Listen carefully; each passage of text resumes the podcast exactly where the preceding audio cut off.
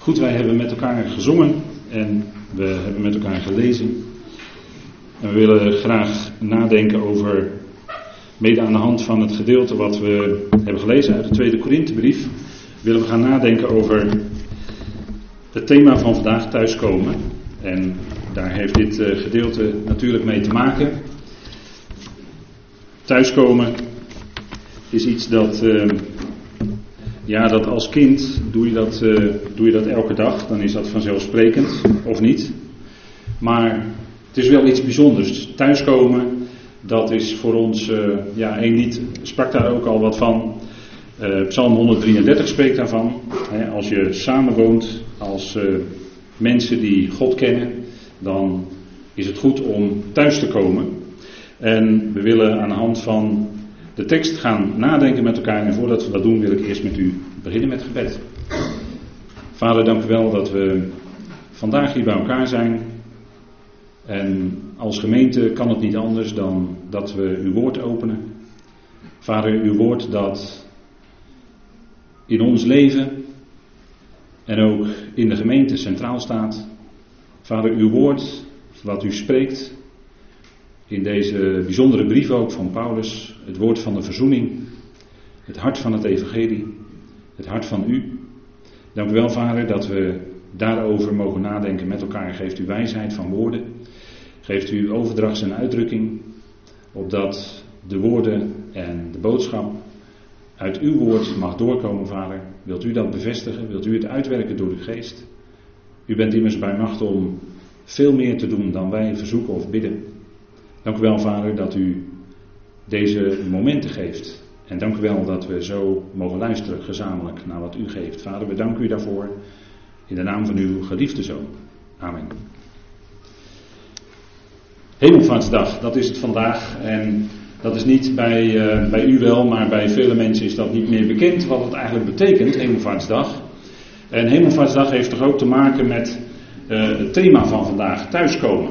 De Heer is nadat hij veertig dagen lang met zijn discipelen had opgetrokken in de opstanding, is hij eh, ten hemel gevaren.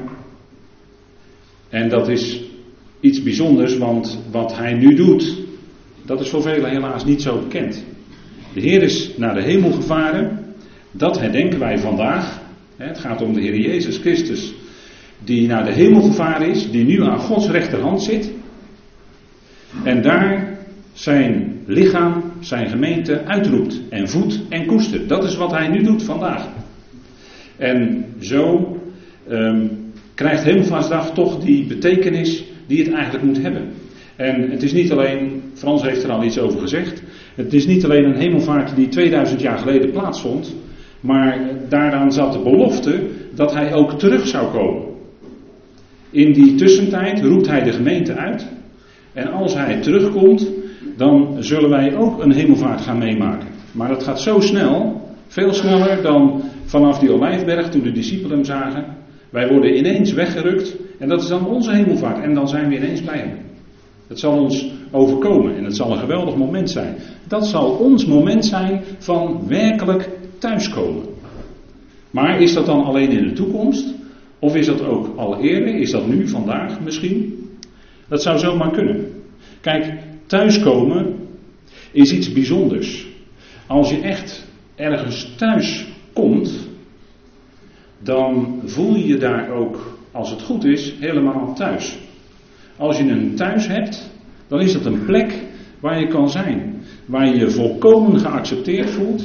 Waar je je volledig, echt, voor de volle 100% thuis kan voelen. En dat is voor ons iets bijzonders geworden. Want ja, wat is nu bij ons aan de hand? Wij zijn eigenlijk leden geworden van het lichaam van Christus. Dat was u zich eerst niet bewust, maar op een gegeven moment kwam u tot geloof, zo zeggen we dat dan. En bent u lid geworden van het lichaam van Christus. En in dat lichaam van Christus, dat is eigenlijk ons nieuwe thuis geworden. Zoals je als een kind uh, thuis kwam altijd, uit school misschien. En er altijd uh, thee klaar stond en uh, gelijk uh, moeder klaar stond voor je om je op te vangen. Dat is voor een kind geweldig. Als dat kan gebeuren in een geweldige omgeving, in een geweldige warm thuis. Maar dat is helaas niet bij iedereen het geval. Want wat ik u nu zeg, kunt u misschien niet allemaal erkennen. En dan kunnen er in de jeugd dingen gebeurd zijn dat je misschien niet geaccepteerd voelt. En dat kan je leven stempelen. Dat kan heel intens zijn voor een mens. En ons thuisleven, daarover spreekt Paulus. En zoals gezegd, wij zijn op weg. En Paulus die maakt een prachtige vergelijking in dat eerste vers van het stukje wat we gelezen hebben. En dan zegt hij dat wij nu verblijven in een aardse tentwoning. En het was voor Paulus niet onbekend, want hij was bij gelegenheid deed hij ook handwerk. Hè, samen met Prisca en Aquila maakte hij tenten. En we zien hier zo op dat plaatje ziet u een Bedouinentent. En dat is eigenlijk een beeld wat Paulus gebruikt. Hè, die Bedouinen die in een tent leven, nomaden. En die trekken van plek naar plek, al naar gelang voedsel is, of de weersomstandigheden, of het klimaat, of wat dan ook. Maar ze trekken van plek naar plek. Er is altijd onrust. En ons leven, zolang wij nog in dit aardse lichaam zijn, zolang we met dit aardse lichaam te maken hebben, kenmerkt ons leven als gelovigen zich eigenlijk op die manier. Er zit altijd toch een zekere onrust in ons, want ja, we zijn hier wel en bij gelegenheid kunnen we hier ons thuis voelen te midden van de gemeente. Maar in de toekomst, dan zullen wij ons werkelijke thuis, en daar spreekt Paulus met het woord gebouw over. Er wacht ons een gebouw uit God. En wat bedoelt Paulus dan? Dat bedoelt dat wij dit oude aardse lichaam, dat zal veranderd worden door God. En God zal ons een geweldig, nieuw, heerlijk lichaam geven. En dat maakt ons huidige lichaam niet waardeloos, zo moet u dat niet zien, want het is juist heel waardevol voor God. Want de bedoeling van het Evangelie is dat wij ons lichaam stellen tot een levend, heilig en God welgevallig offer. En dat doen we tot het moment dat de Heer ons roept met de bazuin. En dan ontvangen we dat gebouw, dat, dat andere lichaam. En nu zijn we zwak. Paulus ervoer dat ook dagelijks. En Paulus roemde zelfs in zijn zwakheden alles wat hem overkwam. Hij was vaak in gevaar. En daar spreekt hij ook van in deze brief. Maar hij had een geweldig uitzicht. Hij kende die Heer die hem geroepen had. En in deze brief, en in het hart ook van deze brief, dat is dat vijfde hoofdstuk, klinkt die boodschap van de verzoening. En verzoening heeft alles te maken met het hart van het evangelie, heeft alles te maken met het hart van God en heeft alles te maken met werkelijk thuiskomen. Werkelijk echt thuiskomen kan alleen door verzoening. Op geen enkele andere manier. Mensen kunnen dat een, een eenheid of een samenhang proberen te bewerken, maar dat gaat niet lukken. En we zeggen dan in Nederland dat gaat hem niet worden. Dat kan alleen maar zo worden als dat woord van verzoening in ons leven, in ons hart landt. En er vrede, een diepe vrede komt in ons hart. Dat we vrede met God krijgen. Want thuiskomen, thuiskomen, werkelijk thuiskomen, is bij God thuiskomen. Dan kom je echt thuis. En dat is dan het thema voor vandaag. Hè? Kijk, iemand als Kain, want thuiskomen, dat, dat is geweldig als je bij God thuiskomt. Maar thuiskomen, dat doe je niet alleen. En daarom zitten we hier vandaag, met z'n allen. Thuiskomen doe je niet alleen. Thuiskomen doe je samen met je broeder. Met je broeders. Met je zusters. Met iedereen. Dat is, maar Kain, wat, wat had Kain gedaan? Het eerste mensenpaar, de eerste kinderen en wat gebeurt er? Er wordt een moord gepleegd. Kain brengt Abel om het leven. En u ziet in dit plaatje het treurige van Kain. En ook wat in de schrift zo staat, hè, zo, zo tekenend staat. Kains aangezicht verviel of viel toen hij dat gedaan had. Want wat had, hij, wat had hij gedaan? Hij kwam tot een besef, wat heb ik gedaan? Ik heb mijn broeder vermoord. Ik heb Abel om het leven gebracht. En daarom kon Kain, want hij bleef zwervend over de aarde. En er werd bovendien nog een teken aan hem gesteld, namelijk dat hij niet, dat hij niet zou sterven, maar hij zou in leven blijven. Maar hij zou een zwerver zijn, de rest van zijn leven op aarde. Dodend, zwervend. Waarom? Hij kon niet meer thuiskomen met zijn broeder Abel. Die had hij om het leven gebracht. En, en dat is ook wat zijn bestaan kenmerkte. De naam Abel betekent leegte, leegheid, ijdelheid. Het is hetzelfde woord als wat in prediker vaak gebruikt wordt. Ijdelheid van de ijdelheden, alles is ijdelheid. Dat is hetzelfde woord Abel. En Kain kon niet meer thuiskomen met zijn broeder. Hij kon niet meer echt, daarom werd hij een zwerver. En wat kan er gebeuren? Hè, dan denk je, nou wat, wat raar dat je nou over een broedermoord spreekt hè, vandaag, op zo'n dag, met zo'n thema. Maar thuiskomen, thuiskomen is samen leven, samen thuis zijn. En broeders die zullen vandaag de dag misschien elkaar niet letterlijk om het leven brengen. Maar je kunt een ander wel met je woorden. Daar kun je heel wat mee aanrichten. Met je woorden. En daarom spreekt Paulus ook vaak over dat wij onderling letten op onze woorden. dat, dat, die, ja, dat wat, in ons leeft, als het goed is, die verzoening, dat die ook over onze mond komt, over onze lippen komt. En kijk, wij zuchten nu, Paulus zuchtte ook. Hij besefte dat telkens weer als hem van alles overkwam en ook als hem van alles werd aangedaan door andere broeders. Want hij was in gevaar door rivieren, hij was in gevaar op vele manieren en dan eindigt hij in gevaar onder valse broeders. Dat was niet niks. En daarom zuchtte Paulus en wij zuchten ook bij gelegenheid. Als we de zwakte van ons eigen lichaam ervaren. Als ons ziekte overkomt. En dat is nog alles aan de hand. En dat is moeilijk. Dat is geen makkelijke reis die je dan hebt. Maar als je zwakte overkomt, dan, dan zucht je. En dan zucht je eigenlijk met, ja, met heel die schepping, hè, wat afgelopen zondag gelezen werd. Dat, dat geweldige gedeelte uit Romeinen 8. Maar wij zuchten in deze aardse tentwoning. We zijn net als die Bedouinen eigenlijk. We zijn op weg. Er is toch altijd en zeker onrust in ons, want we kunnen fijne momenten met elkaar beleven, maar dan besef je toch weer, het is het nog niet. En zeker als er moeilijkheden zijn, zeker als er onderlinge moeilijkheden zijn, dan besef je helemaal, we zijn er nog niet. Maar daarom verlangen wij, want het is niet alleen zuchten, Paulus gebruikt hier twee woorden.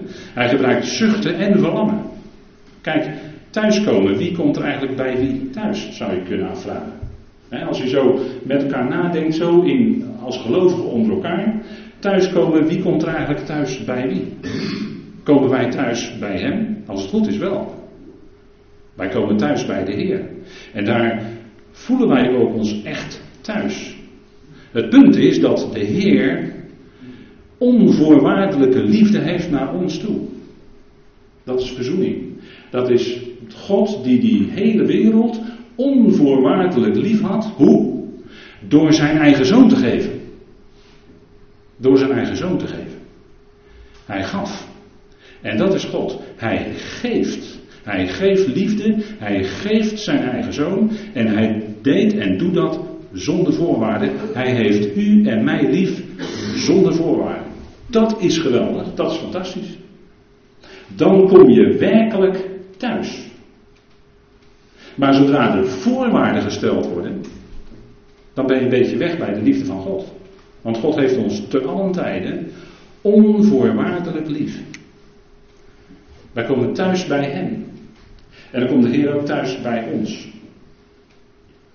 En misschien is dat, als ik het zo omdraai, misschien is dat wat merkwaardig, maar um, dat zou ik bij gelegenheid af kunnen vragen. Hè? In mijn huis, hè? ik en mijn huis, we zullen de Heer dienen, is een bekende tekst. Maar is de Heer ook welkom in ons huis? In het midden van ons? Zeer erg welkom. Of zijn er wel eens gebeurtenissen of gelegenheden waarin we toch maar even liever de deur dicht laten? Waarin hij even niet welkom is? Zou kunnen.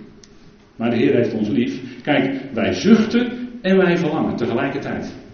Wij zuchten onder de, in die aardse tentwoning, ons, ons, ons huidige zielse lichaam. Wat, hè, maar we, gaan, we zijn op weg naar dat geestelijke. Maar we zijn vandaag in dat zielse lichaam. En wij zuchten en we verlangen tegelijkertijd. Want wij ervaren nu dat lijden, wij ervaren nu dat sterfelijke wat we zijn. Ontkomen we niet aan. Hoe goed we ook ons best doen. Maar je vitaliteit, je levenskracht neemt gaandeweg af. En naarmate dat meer afneemt, denk ik wel eens, ga je meer verlangen naar dat wat God gaat geven. Op zijn tijd. We zijn onderweg, hè? we zijn beladen. Kijk, thuiskomen, dat doe je met je broeder. Of met je broeders. Misschien moet ik een meervoud gaan gebruiken. Maar kijk, Jezus die kwam door Jericho. En Jericho is een beeld van eigenlijk deze oude wereld. Maar in, in Jericho kwam hij op een gegeven moment, nadat hij blinden had ontmoet, kwam hij Zacchaeus tegen. Zacchaeus. Die uh, niet opgemerkt werd. Die uh, klein van statuur was. Klein van postuur. En daarom, omdat hij klein van en dat mensen misschien altijd een beetje zo hadden weggedrukt, was hij misschien wel een vechter geworden, want hij had het gebracht tot oppertollenaar. Hij was hoog in de belastingdienst gekomen daar, toen de tijd, met de Romeinen. En dat werd hem nou niet bepaald in dank afgenomen door de mede-Joden. De tollenaars, die werden beschouwd als zondaars. Was, hij was klein van gestalte, he. En daarom, omdat hij Jezus wist dat Jezus eraan kwam, klom hij in die boom om hem te kunnen zien. Hij wilde weten wie hij was, staat er dan. Wie is Jezus? Dat kun je je afvragen. En misschien ben je al jarenlang op weg als gelovige en kun je nog afvragen wie is Jezus? Zou zomaar kunnen. Zou zomaar kunnen. Maar hij is altijd anders dan je denkt. Altijd. Maar wat het punt is, hij liep daar en hij reageerde weer anders dan je denkt. Want hij keek omhoog en hij wist dat Zacchaeus daar zat. In die wilde vijgenboom, achter die grote bladeren verscholen. Maar hij moest, Jezus, hij moest Zacchaeus hebben. Hij moest hem hebben. Hij zegt, Zacchaeus, kom naar beneden. En wat was nou het punt? Het punt was dat Jezus bij Zacchaeus wilde thuiskomen. En dat zou dan de eerste keer zijn dat Zacchaeus werkelijk thuis kwam. Toen hij erbij was, kon Zacchaeus pas werkelijk thuiskomen. Dat is het punt, hè? Zacchaeus, een man die ja, door anderen werd geminacht. En dat maakt mensen soms tot een vechter, waardoor ze heel veel bereiken. Maar de Heer Jezus heeft juist diegene op het oog waarvan wij vinden of menen of onwillekeurig, zijn ze niet zo in tel. Zijn ze minder of voelen ze zich minder dan anderen? Dat zie je niet altijd aan de buitenkant. Maar het kan best zijn dat iemand zich totaal veel minder voelt dan anderen. Maar de Heer heeft juist die op het oog. Vandaar dat hij zei: Zacchaeus, ik wil vandaag bij jou in huis komen, want jij bent ook een zoon van Abraham. En de zoon van Abraham, de Heer Jezus zelf, die kwam dus bij die zoon, twee zoons van Abraham komen dan thuis. En dan is het echt thuiskomen, dat is fantastisch. Kijk, dat is de liefde van de Heer. Die, is niet, die stelt geen voorwaarden. Hij keek niet naar de Bijbel, dat is een tollenaar, dat is een zondaar. Daar loop ik ook aan voorbij. Nee, zo niet. Juist, hij moest juist bij Zacchaeus zijn. En hij komt juist bij ons, bij u en bij mij thuis. Hij wil juist bij u zijn, bij jou zijn, bij mij zijn. Juist. Punt. Hoe je je ook voelt. En hoe je misschien ook door anderen bent behandeld. Wat je leven kan stempelen. Kan. Maar thuiskomen deed de Heer samen met Zacchaeus. Ook een zoon van Abraham. Zijn broeder. En kijk, die zoon van Adam. Die kwam om te zoeken en te redden wat verloren was. En het geweldige is dat die missie van de Heer Jezus Christus die slaagt. Met glans. Want hij vindt, hij zoekt en vindt al het verlorene. En iemand zei dus heel mooi: God roept. En als mensen soms misschien heel lang niet horen, hun hele leven niet horen, maar God blijft net zo lang roepen, totdat de laatste ook hoort. Zo lang. Totdat de laatste erbij is. En dat is een fantastisch, dat is een fantastisch goed nieuws. Christus Jezus, zegt Paulus, kwam in de wereld om zondaren te redden. En dat doet hij ook. Zijn missie slaagt aan alle kanten. En juist die 99, hè, want Lucas 15 is misschien wel het centrale gedeelte van Lucas, waarin zo centraal staat dat hij kwam om te zoeken en te redden wat verloren was, het verlorene wordt gevonden. En misschien voel je als, als mens soms ontzettend verloren, maar hij zoekt je op. Zijn de roepstem van liefde zal je ook vinden. En kijk, wij zijn op weg naar huis. En dan ervaren we wat de profeet zegt: alle vlees is als gras. We zijn op weg naar huis. Maar alle vlees is als gras, hè? Het, menselijke bestaan is maar zo kort, is zo kort van duur. Het is zo voorbij, net zoals het gras ineens kan verdorren, zo is ook een mensenleven. Het gaat als een zucht voorbij. Vraag maar aan mensen die 80, 85 jaar zijn, die zeggen dat. Het is zo voorbij gegaan. Het is maar een zucht. Alle vlees is als gras. Maar dat woord, dat blijft. En God blijft liefhebben tot het einde aan toe. Hè? Kijk, en wat zegt Paulus? Op weg in onze zwakheid hebben wij een geweldige ja, aanbetaling, zou je kunnen zeggen, ontvangen in ons. Een kracht in ons. Dat is zijn geest. En dat is wat Paulus in dat vijfde vers zegt. Hè? Hij die ons hiervoor toerust is God, die ons ook het onderpand of de waarborg van de geest heeft gegeven. Dat maakt het zeker. Die aanbetaling die we nu al hebben ontvangen, maakt het zeker dat geweldige Ionische gebouw, hè, wat in de toekomende tijd ook zal blijven, waarin wij, hè, dat wij zullen ontvangen van God. Want het is onverdiend. Het is onverdiend. Het is uit God, zegt Paulus in het eerste vers. Het is uit God dat wij dat ontvangen. Maar dat gebouw wat wij ontvangen, dat, dat geestelijke lichaam, dat zal al onze verwachtingen ver overtreffen. Juist als we nu behept zijn met lijden, met moeite, met verdriet, met zwakheid. Maar God tilt ons hoofd op en zegt: Ja, maar jullie gaan allemaal thuiskomen. Jullie gaan allemaal thuiskomen bij mij. En uiteindelijk hè, zal God Israël en de gemeente inzetten om iedereen in te zamelen. Om iedereen uiteindelijk in te zamelen, zodat iedereen erbij is. Maar wij hebben de waarborg van de geest. Kijk, en dat is, ja, dat zal zoiets bijzonders zijn. Kijk, in het voorjaar zien we allemaal levenskracht. Hè? Zien we bloesems aan de bomen. En, en het voorjaar, de lente is altijd een geweldige tijd. Iedereen kijkt er naar uit.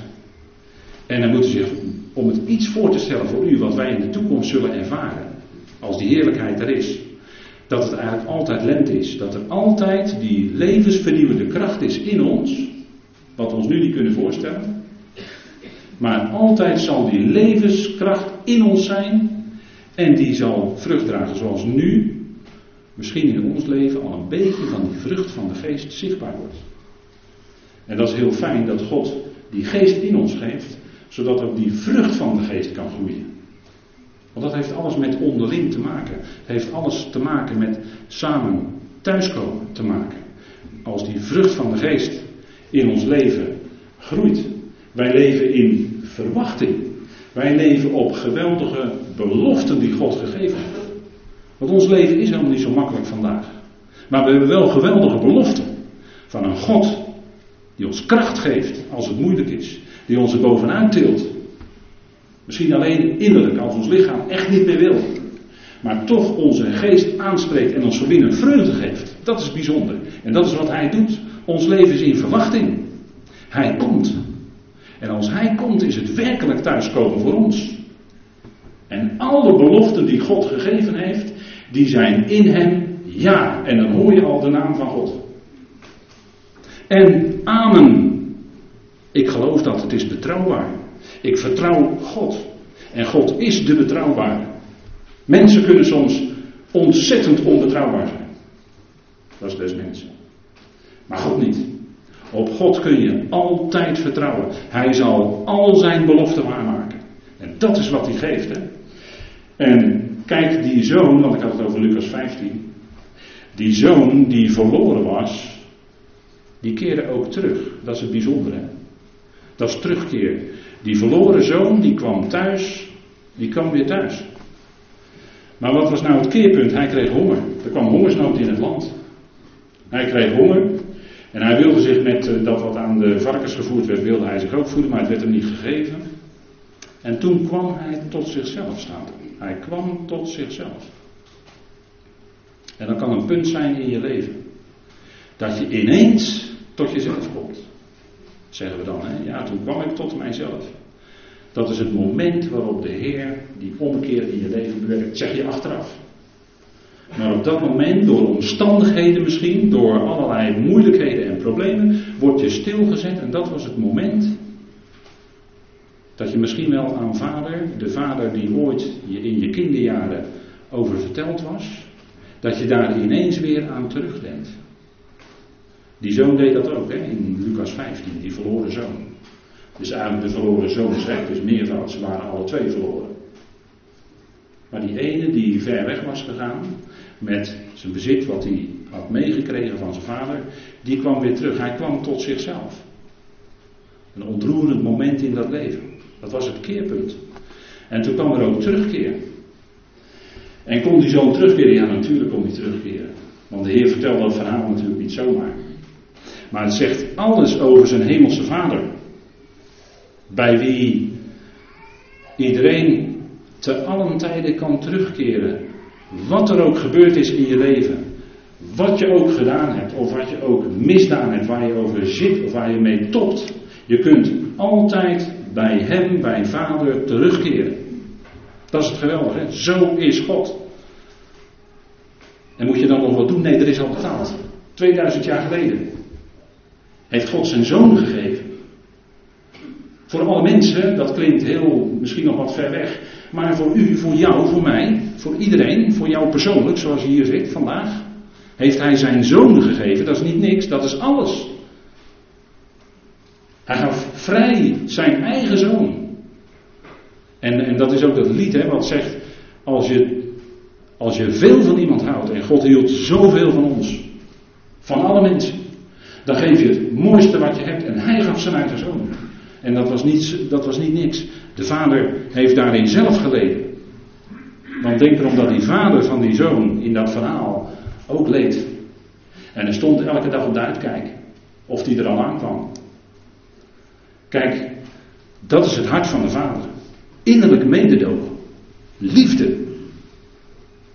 En dan, daarom, daarom kon die zoon ook werkelijk thuiskomen. Thuiskomen in zijn vaderlijk huis. En misschien kon die vader voor het eerst weer echt thuiskomen, omdat hij er was. Hij was er. En, en, en, en heel Lucas 15 spreekt voortdurend over feestvieren, over blijdschap, over vreugde, natuurlijk. Het verlorene wordt gevonden. Dat is toch reden om blij te zijn. En wij die verloren waren, God heeft ons gevonden zoals we hier zitten. Alle reden om vandaag dan blij te zijn. Dat Hij ook u, ook jou, ook mij vond. Fantastisch. En dan kunnen we werkelijk thuis zijn, hè? innerlijk mededogen hebben. Dat, dat is het hart van de Vader. Dat is de ontferming, dat is de barmhartigheid. Kijk, die open armen, die zeggen zoveel. Die zeggen zoveel over wie de Vader is. Hij stelt geen voorwaarden. Moest de zoon eerst iets doen? Ja, hij had zelf bedacht. Ja, ik heb er wel eigenlijk een beetje een zoontje van gemaakt. Um, ik ga voorstellen aan mijn vader. Ik ben eigenlijk niet meer waard je zoon te zijn. Maar ik ga uh, worden als een van dagloners. En daarvoor was zelfs voorzien in de Torah. Dan kon je bij iemand gaan wonen. En dan kon je dagloner zijn. En dan mocht je daarbij blijven wonen. Zij staat in de Wietkes. Maar dat is hier helemaal niet aan de orde. Hij zegt: breng het eerste kalf. Hè, het eerste, het beste. Maak dat klaar. Een feestmaal. Ik wil met mijn zoon aan tafel zitten. Gemeenschap. Verbondenheid hebben. Innerlijk mededogen. Fantastisch hè. Maar in dat verhaal zijn twee verloren zoons. En die vader die doet iets bijzonders. Die blijft niet bij dat feest. Want die had alle reden om te denken, ja die andere zoon. Of om misschien te vergeten die andere zoon die was altijd bij hem. En, maar die vader die verlaat het feestmaal. En hij gaat naar buiten toe. En hij gaat naar die andere zoon. En die andere zoon die was dus nog niet thuisgekomen. Die ene wel. En daar ligt altijd alle aandacht op als dit verteld wordt. Maar die andere zoon, die was nog niet thuisgekomen. En het wonderlijke is Misschien kende die zoon nog niet het hart van de vader. Want die zoon die stelde nog voorwaarden. Hij stelde voorwaarden. En die kon ook niet thuiskomen met zijn broeder. Als we het over thuiskomen hebben vandaag. Hij kon niet thuiskomen met zijn broeder. Hij wilde liever zelf een bokje hebben. Want hij zegt, u hebt mij nooit een bokje gegeven. Terwijl hij zo had kunnen aanschuiven aan het feestmaal. Fantastisch, geweldig, heerlijk. Hij zou blij zijn, maar hij was niet blij. Hij werd toornig, hij werd boos. Hij voelde zich onrechtvaardig behandeld door de vader. En daarmee kende hij het hart. Hij was misschien heel rechtvaardig. Want hij heeft altijd het goede gedaan. Hij heeft zich altijd keurig aan de geboden enzovoort alles gehouden. En daar wilde zich nu graag op laten voorstaan. Herkent u dat? Maar dat hart van de vader, innerlijk mededogen. Innerlijk mededogen. Ook voor die zoon die nog niet thuis was. En het wonderlijke is, en je moet dat, die hele, dat hele verhaal nog maar eens lezen, maar het wonderlijke is dat het verhaal heeft een open einde. Die vader is buiten, die zoon is buiten. Maar ik vind het geweldig dat het laatste woord gevonden is. Het laatste woord wat gesproken wordt in die hele geschiedenis, of dat hele verhaal van die verloren zoons, is gevonden. De vreugde van de vader. Met andere woorden, hij zegt tegen die andere zoon, die toornig was, kom ook thuis. Kom ook thuis. Laat dat. Hè? En daarmee toonde die vader zijn hart aan die andere zoon. Opdat die andere zoon ook zou komen, zou antwoord geven op die liefde van de vader. Dat is geweldig, hè? Dat is een echte, echte vader. Kijk, die ander, en dat is ook wat God tegen ons zegt. En daar zit ook dat mededogen in, hè, dat innerlijk welwillend. Hè, ons thuisleven, want je kan zeggen, ja, het ligt in de toekomst. Dan zullen we allemaal als hele lichaam van Christus bij elkaar zijn. Zover is het nog niet. Maar nu leven wij nog hier op aarde. Met allemaal andere medegelovigen. En iedereen heeft zo zijn eigenaardigheden, zullen we maar zeggen. Maar ons thuisleven nu, vandaag is dan, wat, wat Paulus dan schrijft in Efeze, wordt echter naar elkaar mild. Mild. En mild is iets dat te maken heeft met de geest. Dat heb je niet van jezelf. Als mens zelf, een mens kan door allerlei, door allerlei dingen, kan hij een harde schil hebben aan de buitenkant. En daarom kunnen wij als mensen zo soms hard, ook als gelovigen, hard op elkaar reageren. Maar mild zijn. Mild heeft te maken met dat je hart is aangeraakt door de verzoening. Want het hart van het evangelie hier in 2 Korinthe 5 is verzoening. Dat is het hart van God. En mild zijn naar elkaar. Dan gaan die scherpe kantjes eraf. Dan gebruik je geen woorden die als dolksteken kunnen werken. Zegt spreuken. Maar dan gebruik je woorden die anders zijn. Woorden niet die de ander, hè, niet, niet woorden neerbuigend naar de ander toe, maar woorden die spreken van een hart van verzoening, daarop uit zijn. Innerlijk welwillend, dat is innerlijk, dat is dat ook dat mededogen van die vader. Innerlijk welwillend. Dat heeft te maken met je ingewanden. Daar spreekt de profeet over. Profeet Jeremia, moet u maar eens nalezen, Jeremia 31. Als de Heer spreekt over Ephraim, zijn eerstgeboren zoon, dan is de Heer met innerlijke ontferming bewogen over Ephraim. Dat is heel bijzonder wat daar staat. En daar, dat klinkt hier eigenlijk door. Dat klinkt door in dat innerlijk welwillend. Hè? En dan daarbij elkaar genade schenken. Zoals die ander zijn hoofd dan met blijdschap kan opheffen. Die zoon die hoefde bij die vader geen knieval te maken. Daar waren geen voorwaarden aan verbonden. Maar die vader die stond met die open armen klaar om die zoon te ontvangen. En ik denk dan als je zelf ouder bent van kinderen en je kinderen gaan misschien een hele moeilijke weg. En het gebeurt wel eens helaas, helaas. Gebeurt het wel eens Dat kinderen soms jarenlang weg van huis zijn omdat er een conflict is. Maar als dat kind dan weer thuis komt, dan laat je als ouder toch niet de deur dicht. Dat doe je toch niet, lijkt mij. En wat er dan ook gebeurd is. Wat er dan ook gebeurd is. Maar dan zal zo'n kind toch kunnen thuiskomen. Dat is werkelijk thuiskomen dan. Als dat kind dan ervaart van, hé, hey, nu ben ik welkom en ik ben welkom zonder voorwaarden. Ze hebben mij onvoorwaardelijk lief. Dat is de liefde van God, dat is agape. Liefhebben.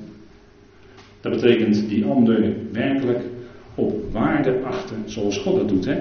Elkaar genade schenken, zoals ook God in Christus jullie genade schenkt. Dat is navolger van God zijn. Hè? Navolger van God zijn in de praktijk, vandaag in al onze zwakheid, met al ons gebrek.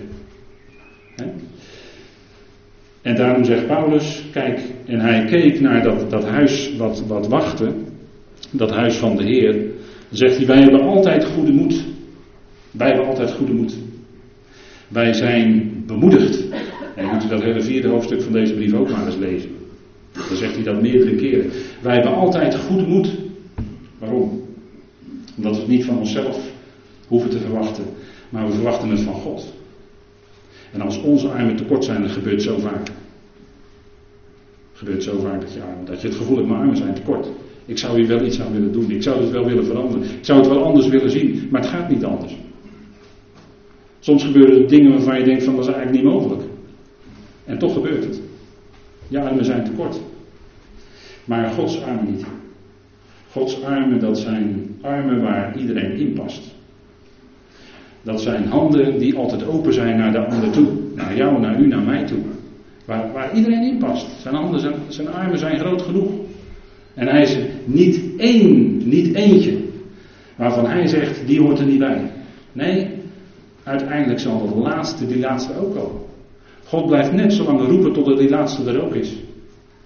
En dan, als wij, hè, en wij willen graag thuis zijn, en, en dan staat er in de tekst, en dat staat in heel veel vertalingen, maar er staat iets bijzonders. Er staat, en bij de Heer in te wonen, vers 8 hè, van dit stukje. Wij verlangen ernaar bij de Heer in te wonen. Eh, je mag ook vertalen bij de Heer thuis te zijn.